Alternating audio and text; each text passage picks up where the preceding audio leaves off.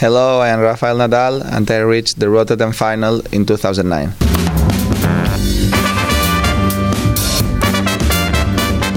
Hallo en welkom weer op de tribune van de NL Tennis Podcast. En nu gepresenteerd door Marcella Mesker en mijn naam is Jan-Willem de Lange. Het is tijd voor podcast nummer 2 over het 50-jarig jubileum van de ABN AMRO Open. Dit jaar van 11 tot en met 19 februari in Rotterdam Ahoy. De inschrijflijst is nu compleet en er zijn nog wat mooie namen bijgekomen. Alexander Zverev keert terug, Grigor Dimitrov en ook Talon Griekspoor. Dus de voorpret lijkt alleen maar groter te worden. Wat jij Marcella? Vooral een mooie en stoere beslissing van Telegriekspoor, denk ik. Die na zijn successen toch in uh, Pune en in Melbourne besloten heeft niet naar Zuid-Amerika te gaan, maar in Rotterdam kwalificatie te spelen. Ja, waarom dan kwalificatie? Nou, omdat toernooidirecteur Richard Krajcek geen wildcard meer over heeft. Die had hij nu eenmaal aan anderen beloofd. En hopen ook dat hij dan die twee wedstrijden in de kwalificatie wint. En als derde Nederlander, naast Botik van de Zandschulp en Tim van Rijthoven, acte présence kan geven. Leuk trouwens ook dat we in deze aflevering gaan inzoomen op het rolstoeltennistoernooi, hè? Jazeker, en dat heeft alles te maken met onze hoofdgast deze aflevering, namelijk de toernooidirecteur rolstoeltennis Esther Vergeer. Ja, we krijgen ook weer bezoek, jawel, van een heuse mystery guest. En pak ook vooral de prijsvraag mee om kaarten te winnen voor het finale weekend. Maar voordat we onze gasten binnenlaten, eerst jij Marcella. Vorige keer vertelde je hoe jij begon op het toernooi in 19... 87 naast de legendarische Heinze Bakker. En wat kun jij nou nog meer opdissen uit die uh, verhalen trommel van je? Ja, laten we het eens uh, hebben over Goran Ivanisevic. Dat is toch zo'n bijzondere speler geweest.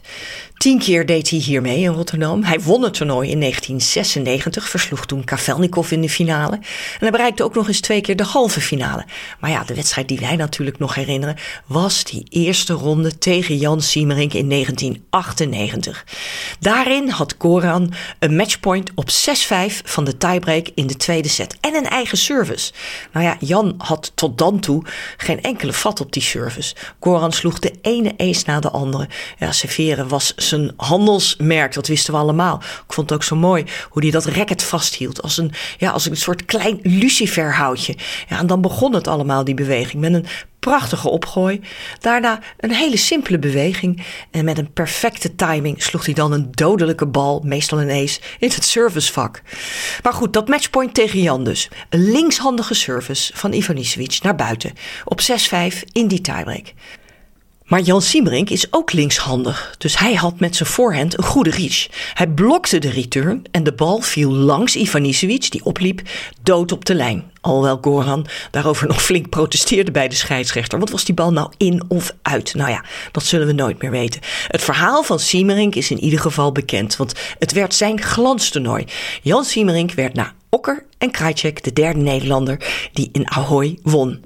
Ik heb Goran trouwens ook een paar keer mogen interviewen en dat is ontzettend leuk. Ja, hij kijkt je dan uh, aan met zo'n schuin hoofd. Een uh, beetje wantrouwig. Hij zet uh, grote ogen op. Denkt eventjes na over de vraag. En geeft dan met die baritonstem altijd een verrassende en meestal onverwachte reactie. Nou, daar hebben we ook een heel leuk voorbeeld van. Luister maar. they say I'm crazy, but I would say maybe different.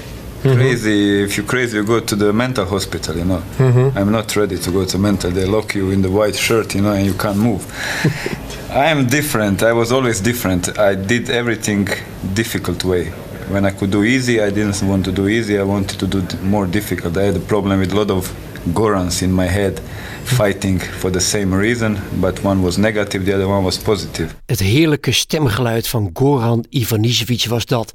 Hoort trouwens ook een mooi beeld bij eh, dit interview. Hij ligt namelijk alleen met een handdoekje om op de massagetafel bij Wilfried de Jong. Ooit een vast onderdeel van het programma Holland Sport.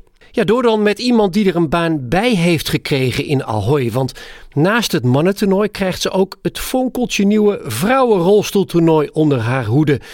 Esther Vergeer is onze hoofdgast vandaag. En we trakteren haar om te beginnen op de muzikale klanken van het toernooi. De vorige keer hadden we Afrojack. Nu is het de beurt aan de muziek die tot een paar jaar geleden in Ahoy klonk. Het is het werk van het Rotterdams Philharmonisch Orkest.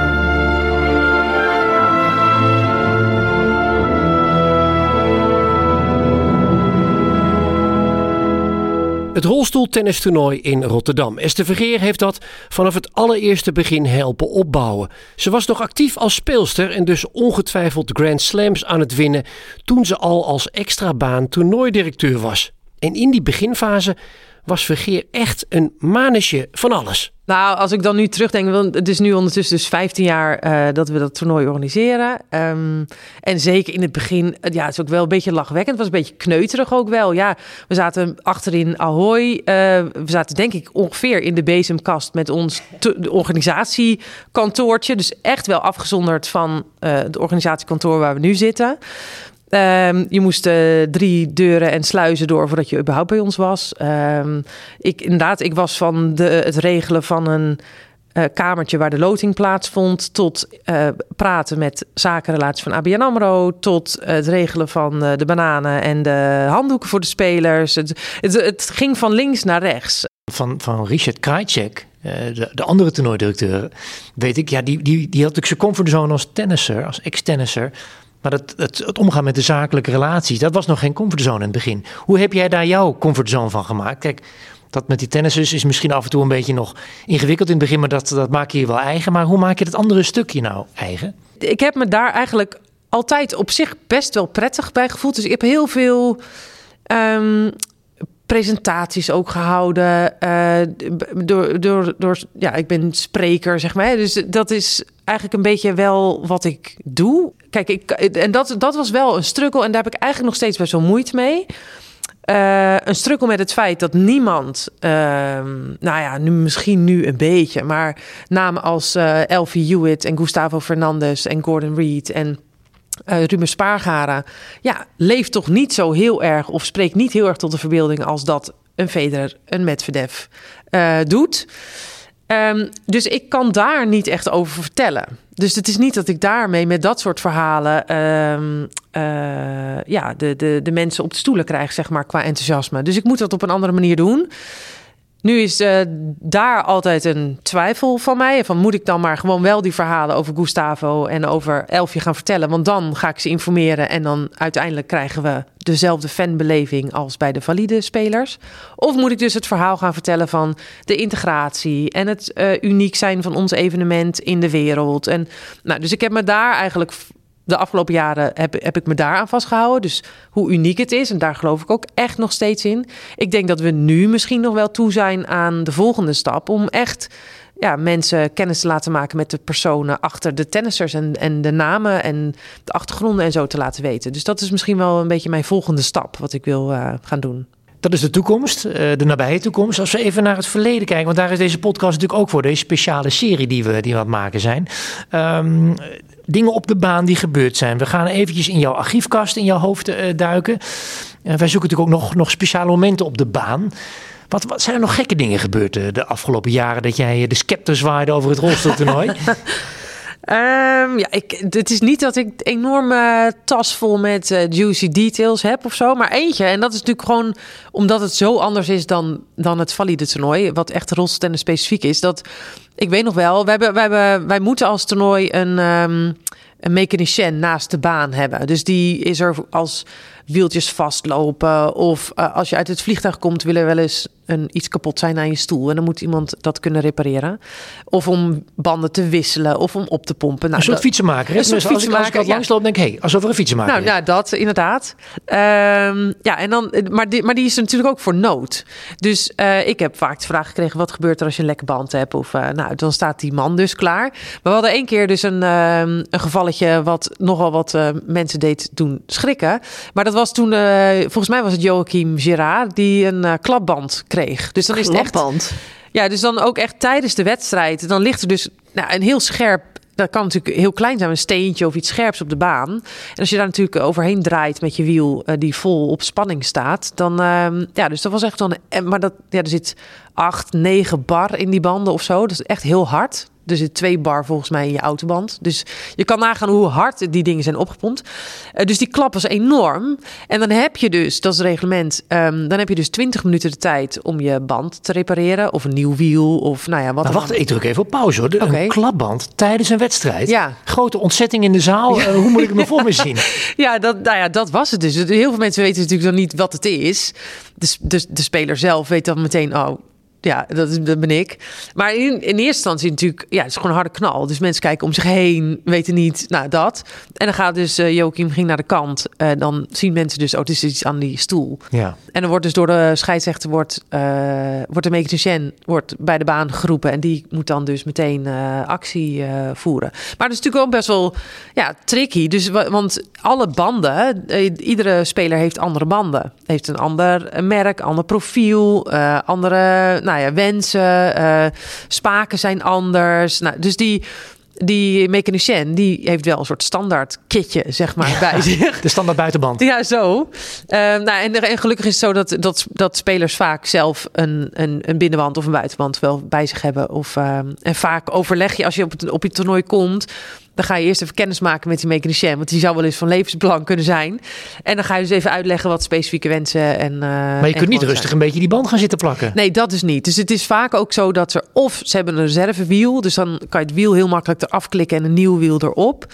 Of ja, en dat is die mechanicien. Die kan echt wel binnen, binnen vier minuten een nieuw band erop leggen. En dan heb je dus nog 16 minuten over. Dus mocht, dan, mocht er dan nog, nog iets gebeuren tijdens die eh, wedstrijd, heb je nog 16 minuten om iets anders te doen. En als dat dus niet lukt binnen die 20 minuten, ja, dan heb je pech, dan is het gewoon uh, game over. Flinke knaller uh, in Ahoy. Ja. Over knallers gesproken. Uh, er, er, zijn natuurlijk ook nog wel eens wat kanonnen in, uh, in Ahoy geweest. Die ook verbonden waren, een beetje zo zijdelings aan het rolstoeltoernooi. Bij de valide. Ja. Um, ik denk aan een Djokovic, aan een Nadal. Dat zijn, zijn, spelers die ik wel in jouw buurt heb gezien in de loop der jaren. Ja. Uh, wat, wat, voor momenten heb je met hen meegemaakt? Nou, dat was eigenlijk altijd wel een beetje... We probeerden aan het begin van het toernooi... proberen we altijd een soort... Um, mediamoment. Een mediamoment, dat was het. Zo noemden we dat altijd. Dus een demonstratie of even tien minuten tegen elkaar. Of, dus dus ja, in die vorm heb ik dus ook uh, tegenover Nadal uh, gestaan. En heb ik geloof ik naast Djokovic gedubbeld tegen Richard. En nou, ik weet niet eens wie dat toen was.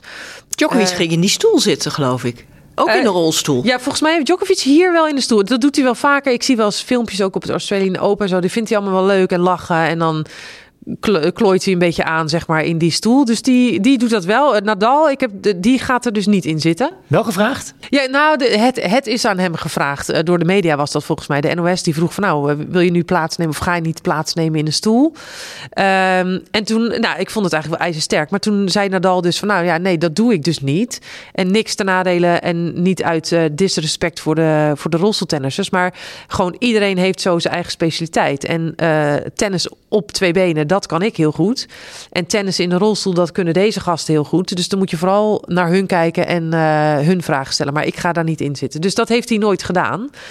En dat vond ik eigenlijk wel sterk. Vond eigenlijk wel, uh, ja, vond dat wel mooi. Dat je ja, gewoon ook keuzes daarin durft te maken. Zo van ik laat me niet voor alles lenen en ik doe dat gewoon niet. Um, dus dat, uh, ja, iedere, iedere speler had wat dat betreft zo zijn eigen ja, dingen waarop die mee wilde helpen of het toernooi wilde promoten of zo. Esther, eh, je doet het nu heel wat jaren. Ik, ik ben heel benieuwd, wanneer zit jouw werk er eigenlijk op als toernooidirecteur? Want je zit erbij alsof je dit gaat doen totdat je omvalt.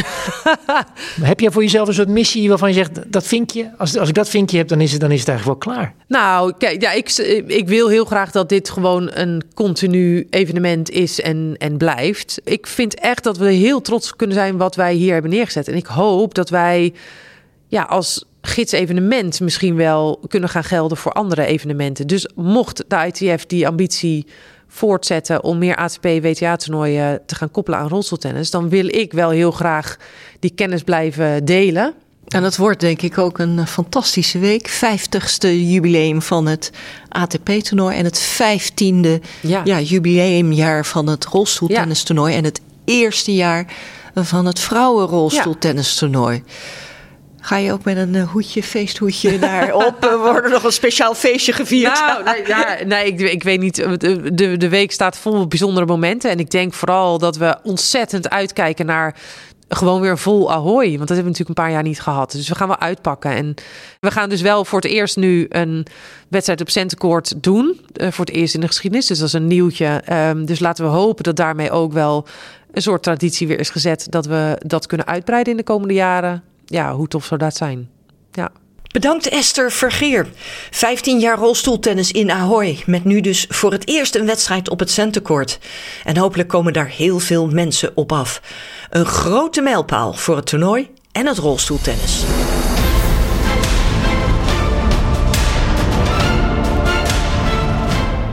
Hoorde hier opnieuw het Rotterdams Philharmonisch Orkest. Ja, want als Esther muziek krijgt, dan krijgt Diede de Groot dat uiteraard ook. Want we willen geen scheve gezichten natuurlijk.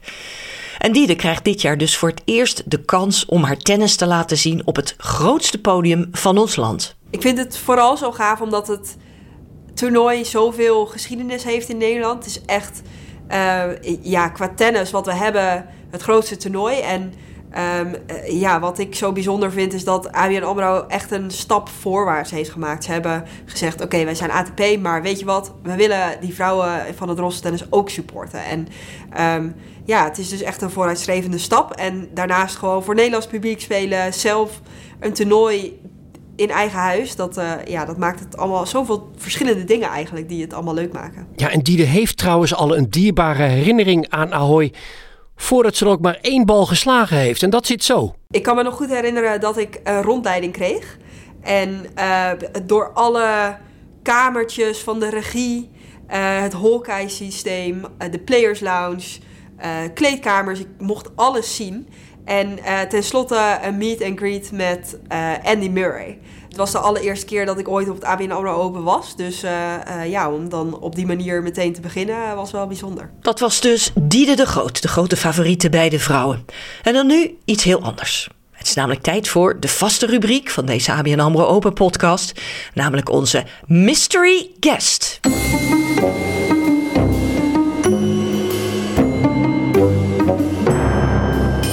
Nou ja, onze mystery guest uh, in deze podcast is toch ook weer iemand uh, van een tijdje terug. Nederlander. Laten we gewoon beginnen. Hoe oud ben je? 63. En waar woon je? In Wenen. Waar woonde je vroeger? In Rotterdam. Dacht ik al. Hoogste ranking ooit? 25. Je mooiste overwinning? Boris Becker op de Australian Open. Ik zat erbij.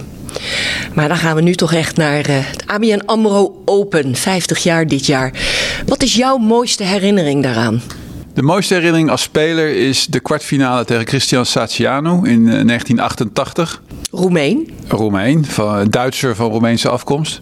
En uh, die wedstrijd die won ik met 7-6 derde set. En uh, voor een van, een van de weinige keren dat ik meegemaakt heb dat het publiek mijn naam scandeerde. Zo. En hoe voelde dat? Nou, dat voelde best wel goed. Want ik was eraan gewend dat, uh, uh, dat, het, dat het vaak daar gemompel was als het een keertje niet goed ging. Maar die wedstrijd was, uh, dat was echt een wedstrijd op scherps van de snede. En toen ging het publiek echt heel erg achter me staan. En dat is iets wat in die tijd in Nederland, dat weet je ook, niet altijd het geval was. Ik weet nog wel weer een, een, een paar hele mooie, memorabele wedstrijden van jou daar. Edberg, de eerste keer dat je tegen Edberg daar speelde. Kun je je dat herinneren? Dat kan ik me herinneren. Daar heb ik uh, een matchpoint gehad zelfs. En op die matchpoint, op die matchpoint uh, besloot ik om een, uh, een lob te spelen. Omdat ik wist dat de service van Edberg is heel erg goed. Maar zijn smash was altijd suspect. En die lob die ging vlak onder, dat, onder de lichten. Kwam die loodrecht naar beneden. Zeg maar in het midden van, van, van, van, de achter, het achterveld. En die smashte die vol gas op de lijn. Dus voor dus deze dat, ene keer. Ja, voor deze ene keer. Dus dat was. Maar tegelijkertijd weet ik me van die wedstrijd herinneren dat we elkaar lachend een, een hand gaven. Omdat het een wedstrijd was waar het erom ging wie het snelst aan het net was. En dat we her, bij herhaling rally, of rallies aan het net speelden. Dus dat we alle twee aan het volleren waren. Dus dat was, uh, was wel uniek. Uh, je hebt. Uh ook nog een debuut van een uh, hele beroemde tennisser uit Nederland meegemaakt. Toernooidirecteur van nu, Richard Krajcek. Ja. Maar ja. dat was het debuut in de dubbel. Wat weet je daar nog van? Daar weet ik van dat we niet op het centercourt speelden, volgens mij. We speelden achter in een van de, de wat donkere hallen. En uh, misschien omdat dat het geval is, weet ik daar niet zo heel veel van. ja. Voor de luisteraars die het uh, nu nog niet weten, en al een paar leuke anekdotes gehoord. Uh, stel jezelf maar even voor, want dan uh, weten we precies wie je bent. Ja, ik ben Michiel Schapers, ex-proftennisser. En al jarenlang bezig in de coachingwereld internationaal. En op dit moment woonachtig in Wenen. En nog steeds heel veel werk doen voor de, voor de KLTB.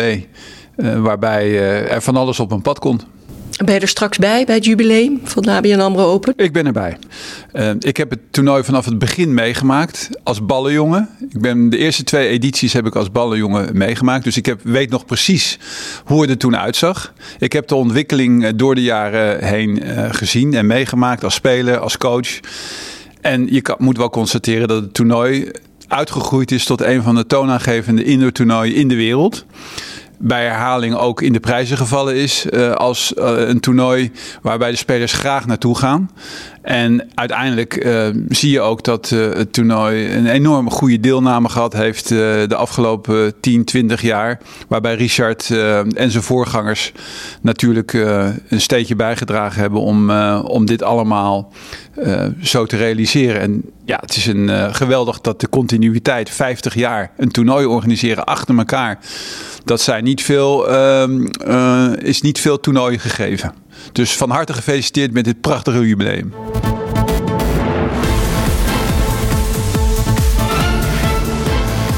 Michiel Schapers, ballenjongen, deelnemer en tegenwoordig kneder van nieuwe deelnemers in Ahoy. Kind van het toernooi, zou je kunnen zeggen. En over vaste gasten in Ahoy gesproken, wat te denken van deze. What's your favorite tennis player? Um, Pete Sampras and before Stefan Edberg. Favorite female tennis player? Um, Hingis and Kornikova. What's the last book you read? I don't read books, so I haven't got a favorite book. What's the best movie you ever seen? The best movie, um, Good Will Hunting and Enemy of the State. The hardest babe? The hardest babe? Yeah. Pamela Anderson. Ja, dat kon niet missen uiteraard. Dit was een jonge Roger Federer. U hoorde hem hier tijdens zijn eerste optreden met een wildcard in Rotterdam. Ja, toen heb ik hem ook nog ontmoet. Ik weet dat nog als de dag van gisteren. Hij was toen hier samen met zijn toenmalige coach Pieter Lundgren, een Zweed. En Roger was zo beleefd en verlegen. En hij zag er ook niet uit met zijn geblondeerde haar en zijn jeugdbuifjes. Ik geloof dat hij toen 17 jaar was. Wereldkampioen al bij de junioren. En later als uh, volwassen superster heb ik hem ook mogen interviewen. En ja, Federer was natuurlijk altijd op en top professional. Bleef ook met beide benen op de grond staan. Altijd respectvol naar zijn tegenstander, naar zijn omgeving. Een gentleman uh, op de baan, maar ook daarbuiten. Lovend was hij ook altijd over het ABN AMRO toernooi. Maar wat vond hij nou eigenlijk het allermooiste? Just a buzz around my uh, my person, around me walking out on center court, around me now uh, with all the tournaments I was able to win, and then compare those to back in '99 when I came with the blonde hair and played qualifying and made it to the quarterfinals and lost to Kafelnikov. For me, those sort of two things sort of come through with the, the title maybe in the middle when I beat Ljubicic 7-6 in the third. The these are for me the highlights. Just uh, there's so many different types of Roger Federers, let's say, in Rotterdam. Ja, Roger Federer, hij genoot zichtbaar altijd van uh, alle aandacht en bleef er ook altijd heel ontspannen onder. Het fragmentje wat we net hoorden komt uit 2012. Vandaar dat hij het niet heeft over uh, zijn andere hoogtepunt in Ahoy, namelijk zijn titel in 2018. En dat was het jaar dat hij in Rotterdam de nummer 1 positie terugveroverde, vlak nadat hij gewonnen had in Australië. Ja, en die editie in 2018 die was voor mij persoonlijk een hele speciale, omdat de ruimte waarin ik werkte in Ahoy grensde aan de kleedkamer van Federer. En Roger, dat is niet echt iemand die stilletjes een boek zit te verslinden daar. Nee, het ging echt van Bob Marley luisteren tot vooral heel veel dolle met zijn coach uh, Ivan Lubicic, die trouwens in het spelersrestaurant nog een papieren vliegtuigje naar zijn hoofd kreeg van Roger die week. Dus ja, dat, dat eeuwige speelse van Roger, waar zoveel over is gezegd en geschreven, daar is echt geen, uh, geen woord van gelogen. Maar wat weten we nog meer over Roger en het ABN AMRO-toernooi? Een paar cijfers en feitjes over de man die het toernooi drie keer op zijn naam schreef. Roger was negen keer deelnemer. De eerste keer als 17-jarige dus. Dat was in 1999. Toen bereikte hij meteen al de kwartfinale waarin hij van Kavelnikov verloor. Zijn eerste finale speelde hij in 2001, maar die verloor hij van de Fransman Nicolas Escudé. Bij zijn zesde deelname in 2005, ja, toen was het pas eindelijk raak en kwam zijn eerste titel.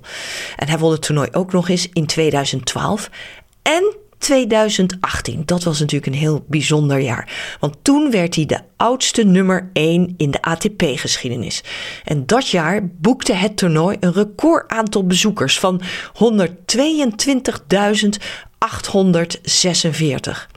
En in de 30.000 berichten over dat ene bijzondere toernooi in 2018 ging maar liefst de helft over Roger Federer. En journalisten over de hele wereld berichten anderhalf miljoen keer op hun sociale media over de komst toen van Federer naar Rotterdam. Vanwege natuurlijk dat uh, nummer 1 uh, moment, hè, de oudste nummer 1 in de geschiedenis. Federer dus een enorme mediamagneet. Maar ja, we mogen zijn grote rivaal en tennisvriend Rafael Nadal natuurlijk ook niet vergeten. De Spanjaard speelde twee keer mee, maar wist zich niet op de boarding te plaatsen. 2012 kwam hij er het dichtste bij, maar Andy Murray was in de finale te sterk. En toen wij Richard Krajcik spraken over het komend jubileum, hadden we het natuurlijk over deze twee supersterren. En wat ik toen zo leuk vond aan dat interview was de kijk van Richard op hen, op die supersterren en het feit dat hij vertelde hoe ze onder hoge druk zo gewoon en zo enorm rustig konden blijven. De, de, de, gekte met Nadal. Toen won die Australische Open van Federer in de finale. Ja, acht, negen dagen later speelde hij bij ons. En ja, dat was bizar. En mensen zaten op de trap. mensen van de middag waren gebleven. Illegaal zou ik maar zeggen. Stiekem. En, uh, ja, stiekem. Ja. En, ja, het was helemaal afgeladen. En uh, ja, dat was wel heel bijzonder. En ja, een bijzondere jongen sowieso. Hele ontspannen jongens. Ook met Federer merk je dat naast de baan. Heb natuurlijk zoveel vragen krijgen ze voor dingen. En uh, ik weet nog wel dat ik met Nadal ging sushi eten uh, in, het, in het VIP-dorp. En we zaten even te praten. En toen moest hij handtekeningssessie doen, uh, laat zeggen om twee uur of zo. En we waren gewoon even van gesprekken. Maar toen, toen kwamen ze naar hem toe van, nou, je moet nu gaan. En hij wilde het nog heel eventjes met mij gesprek afmaken, een paar minuten. En dat is ook lastig voor mij, want ik wil graag met hem praten. En hij is een Nadal belangrijk ook voor het toernooi, maar hij moet ook naar zijn handtekeningssessie. Maar ik denk van, nou, ik laat dat gewoon. En vijf minuten later, dan is hij klaar, staat hij op en dan doet hij het allemaal. En dus hij laat zich, en dat is Federer precies hetzelfde, laat zich door niemand opjagen. En doet daardoor heel veel dingen. Want als je gevoel van, oh, ik moet dit doen, dat doen. En het is allemaal op zijn tijd, zou ik maar zeggen. Met aandacht. En daardoor doet hij wel alles. En uh, ik dacht van, wauw, die twee, uh, andere jongens ken ik niet zo goed. Ik weet niet of Djokovic ook zo is, maar van Nadal Federer heb ik het echt van dichtbij meegemaakt. Daarom kunnen ze al die dingen doen. Want uh, ja, pff, ik, ik, zou uh, op een gegeven moment zou ik echt gestrest raken van is er nu weer wat en uh, ik trek het even niet, ik doe het wel, maar pff, dan zo snel mogelijk weg. En uh, zijn echt twee hele bijzondere mensen zijn dat hoe zij met aandacht omgaan van media, publiek. En ja, ik heb dat ja, niet, niet vaak gezien. Dat is echt wel ja, bijna, bijna zenachtig hoe zij, uh, hoe zij helemaal tot rust komen, ondanks dat er gekte om, om hen heen gebeurt. Dat is wel heel mooi. Nog even terug naar dat bijzondere jaar 2018. Het jaar dat Roger Federer de nummer 1 positie op de wereldranglijst kon herveroveren. Daarvoor moest hij wel de halve finale bereiken en in de kwartfinale onze eigen Robin Haase verslaan. Dat was een unieke, unieke situatie. Dat hij inderdaad weer voor de nummer 1 plek speelde. Um, helemaal uitverkocht. normaal uh, als je als Nederlander, ja, dan krijg je zes kaartjes. Maar ja, dan kan je nog wel eens wat regelen dat je wat meer kaartjes krijgt.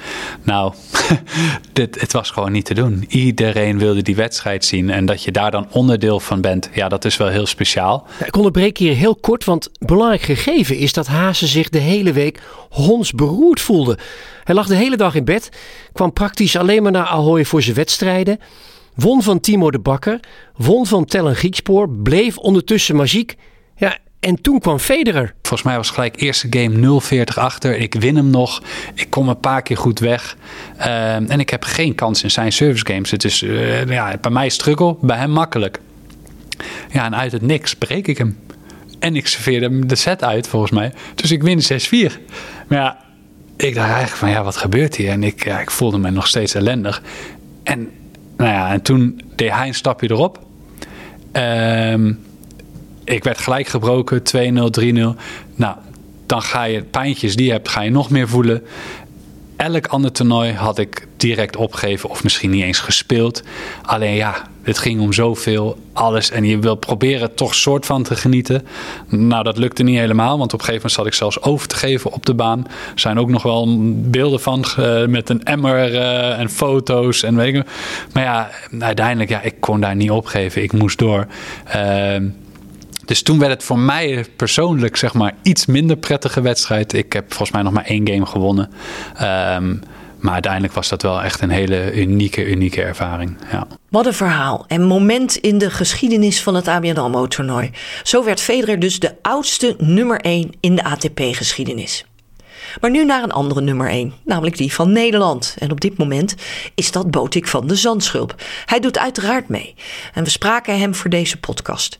En we vroegen hem naar zijn eerste herinnering aan het toernooi. Ik weet nog Nadal, ik was heel erg Nadal-fan vroeger. Um, en toen weet ik nog, ja, had ik, uh, had ik zijn handtekening op mijn, op mijn pet gekregen. Dus dat... Uh, ja, dat was, dat was toen voor mij een geweldig moment. Ja, mooi. En als speler, Kitje van Rublev gewonnen natuurlijk. In de kwalificaties, hoofdtoernooi gespeeld. Wat voor moment springt er bovenuit voor jou? Het was voor mij heel apart eigenlijk. Toen ik mijn debuut maakte daar, had ik altijd voorgesteld dat het uh, debuut op Centercourt, dat het, dat het veel mensen zouden zitten. Uh, maar ja, bij mij was het helemaal leeg, omdat ja, ik speelde met COVID het eerste jaar dat ik, dat ik mocht spelen. Dus het was ja, het was een heel apart gevoel eigenlijk toen ik op Centercourt speelde. Um, er was bijna geen geluid. Er waren wat cameramensen die eromheen zaten. Um, ja, een paar trainers en toen hield het eigenlijk wel op. Um, dus ja, ik moet zeggen dat dat wel heel, uh, heel apart was. Vorig jaar haalde je de tweede ronde in Ahoy. Kijk je al uit naar de komende editie? Ja, ik kijk er heel erg naar uit. Ik denk dat het een ongelooflijk veld is. elk jaar weer.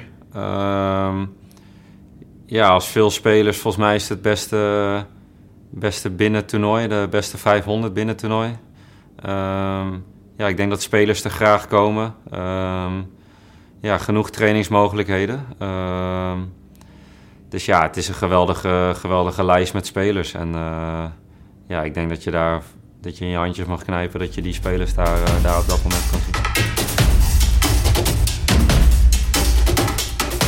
Gaan richting het einde van deze aflevering en we mogen weer een mooi cadeautje uitdelen. Want u kunt twee kaarten winnen voor de ABN AMRO Open 2023. Hier komt allereerst een fragment. Luister goed. Applaus. Jongens, hoe was het? Ja, vond er geen zak aan. nee, het was helemaal geweldig. Ja? Ja, genoten van elke minuut dat we op de baan hebben gestaan. En, um... Waar uh, moet je dan volgende week weer spelen bijvoorbeeld? Futures weer. Eigenlijk, um, ja, we zitten meer op de Futures en Challengers, op dat niveau. Ja, ja, wie hoorde u hier? Het was dus een speler die in Ahoy speelde, terwijl hij normaal gesproken dubbelde op de Futures en Challengers. We kunnen verklappen dat hij dat niveau inmiddels veruit ontstegen is. Wie oh wie was dit dus? Het was in 2013 en dat is nog een hint. Het goede antwoord kunt u vinden op de website van het toernooi www.abnamro-open.nl. Weet u nou het goede antwoord? Stuur het dan naar nltennispodcast@gmail.com en dan denkt u mee naar twee kaarten voor de halve finale op 18 februari. Het juiste antwoord van de prijsvraag in de vorige podcast was Jimmy Connors, de winnaar van het eerste jubileumjaar in 1978. En de winnaar is Mario Ullers. Wij zorgen dat de kaarten bij u terechtkomen. En daarmee komen we aan het einde van deze podcast, geheel in het teken van de feesteditie van de ABN AMRO Open. Binnenkort zijn we er weer en ook dan een special die helemaal draait om het toernooi in Ahoy. Wilt u automatisch een seintje krijgen dat er een nieuwe aflevering klaar staat? Abonneert u zich dan op onze podcast en dat kan via alle bekende kanalen. En alles terugluisteren kan op onze website nltennispodcast.nl. Bedankt voor het luisteren en tot de volgende.